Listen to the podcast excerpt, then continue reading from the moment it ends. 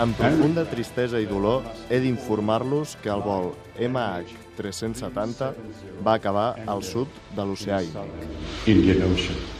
Aquest que heu sentit és el primer ministre de Malàisia ahir, quan va anunciar que el famós vol de Malaysia Airlines, desaparegut amb 239 persones el 8 de març, va caure al mar i que no hi ha supervivents és almenys la conclusió oficial de Malàisia després de 17 dies de teories, d'hipòtesis i de consultes contínues al mapa per part nostra per saber on podia ser l'avió.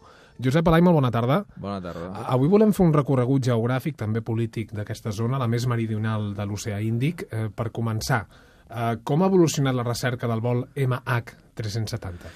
Sí, en principi les dades que ens ha donat eh, aquí l'agent principal que ha estat el satèl·lit Inmarsat, que és un satèl·lit eh, britànic, que el trobem a 35.800 quilòmetres en una òrbita geoestacionària, eh, ens donava dues possibilitats, el que s'anomena el corredor nord i corredor sud, tots dos en el mateix angle, formant el mateix angle amb el satèl·lit.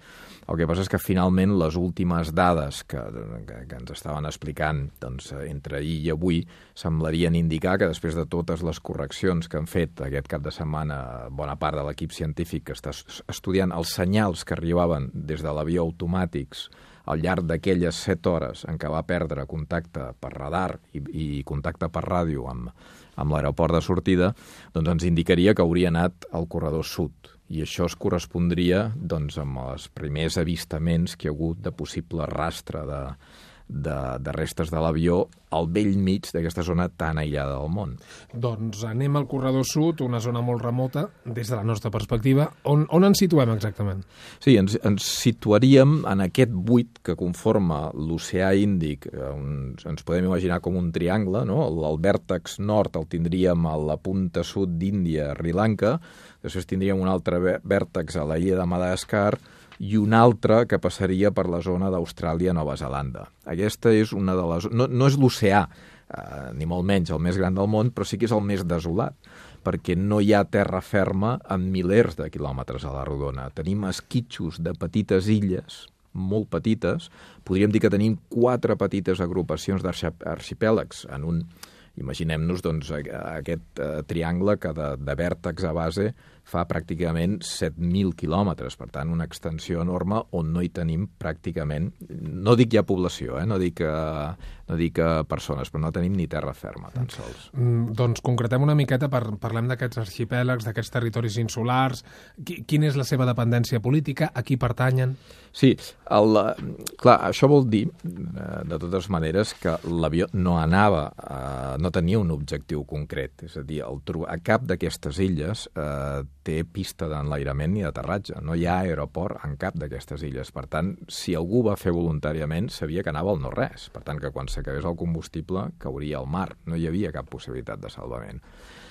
Um, les illes més properes on s'han fet els avistaments formen part del que s'anomenen els territoris australs i antàrtics francesos, que és un departament d'ultramar format per aquests arxipèlegs, eh, bàsicament, són tres eh, arxipèlegs, el que conforma la illa d'Amsterdam i la illa de St. Paul, un altre que són les illes Kerguelen, l'altre que són les illes Crozet, i aquests tres arxipèlegs estan separats milers de quilòmetres, no tenen una població, a més a més, permanent a l'illa, bàsicament tenen equips de 30, 40, 50 uh, científics francesos, que no hi són tot el, tot l'any, hem de pensar, insisteixo, que no hi ha aeroport, per tant, aquesta gent s'hi apropen allà amb vaixells, a més a més, amb petits vaixells, perquè els ports naturals que hi ha doncs, no permeten tampoc eh, eh, grans vaixells de càrrega. Eh, per tant, tenim una zona molt despoblada i que, a més a més, doncs, no té cap tipus d'infraestructura.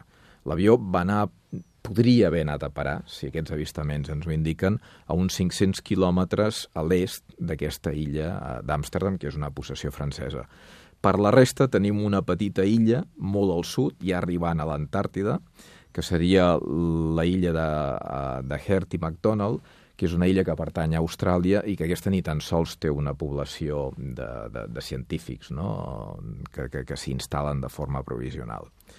I pràcticament, doncs, en aquí acabaria tot. Tenim unes, eh, tenim unes illes, però que ja quedarien molt lluny d'aquesta zona on podria haver impactat l'avió, que són les, és les, el famós arxipèlag de Chagos, que és una dependència britànica, però que té d'alguna forma llogada als nord-americans, perquè allà tenen instal·lada la principal base militar eh, a l'Índic, que, com sabem, doncs, és una base molt polèmica perquè va provocar l'expulsió, en aquí sí que hi havia població autòctona, els xagusians, que els van expulsar el 1971, literalment, i els van enviar doncs, eh, com a refugiats a la, a de Maurici per construir-hi construir perdó, la, la base naval nord, nord-americana. Però, clar, aquesta base quedaria ja molt allunyada i pel que ens han dit doncs, no hauria detectat tampoc la presència de l'avió. Mm. El vol MH370 el que ha fet és provocar molta desconfiança entre els equips de rescat doncs, de, de les armades d'Austràlia, de, de l'Índia, d'Indonèsia, de, de la Xina, i això no ha ajudat gaire, no? No, eh, és ben cert que, eh, diguéssim, no hi ha hagut una excessiva cooperació, hi ha un enorme recel, ahir estem parlant doncs, de potències eh, asiàtiques i mm, del Pacífic doncs que en realitat són rivals entre si, tenim Índia i Xina, naturalment. Hem de pensar que ja van, en un primer moment, ja van haver-hi alguns incidents, quan l'armada xinesa va provar d'acostar-se a les illes d'Andaman, que són unes altres illes de l'Índia, però que estan molt més al nord, entre, més a prop de Birmània, entre Birmània i l'Índia, i el govern indi no va donar l'autorització, temerós que aquests precisament aquests vaixells xinesos pretenguessin acostar-se també doncs, per uh, fer espionatge a la, a la base militar que tenen els indis en allà. Entre Austràlia i Xina, diguéssim que a nivell militar tampoc tenen una gran confiança.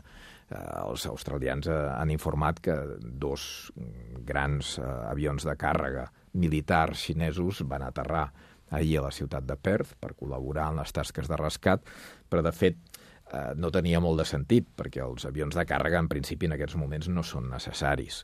El... Això ens demostra i delata de totes maneres que la Xina, malgrat que té un dels exèrcits més poderosos de terra i d'infanteria, quan es tracta de passar el mar a l'armada i a un lloc tan desolat, tan allunyat de terra com és l'Índic Sud, doncs eh, no tenen precisament els millors mitjans. Per tant, d'alguna forma també ha deixat en evidència, en aquest cas, a la Xina, que no ha estat capaç d'enviar un equip eh, preparat de rescat per una zona tan remota, mentre que els australians sí que han estat els primers en demostrar que tenien, en aquest sentit, demostraven doncs, una certa eh, coneixement del territori i capacitat militar per fer-ho. No? En Josep Alai, seguint la ruta o intentant seguir la ruta del vol de Malaysia Airlines. En Josep, moltes gràcies, bona tarda.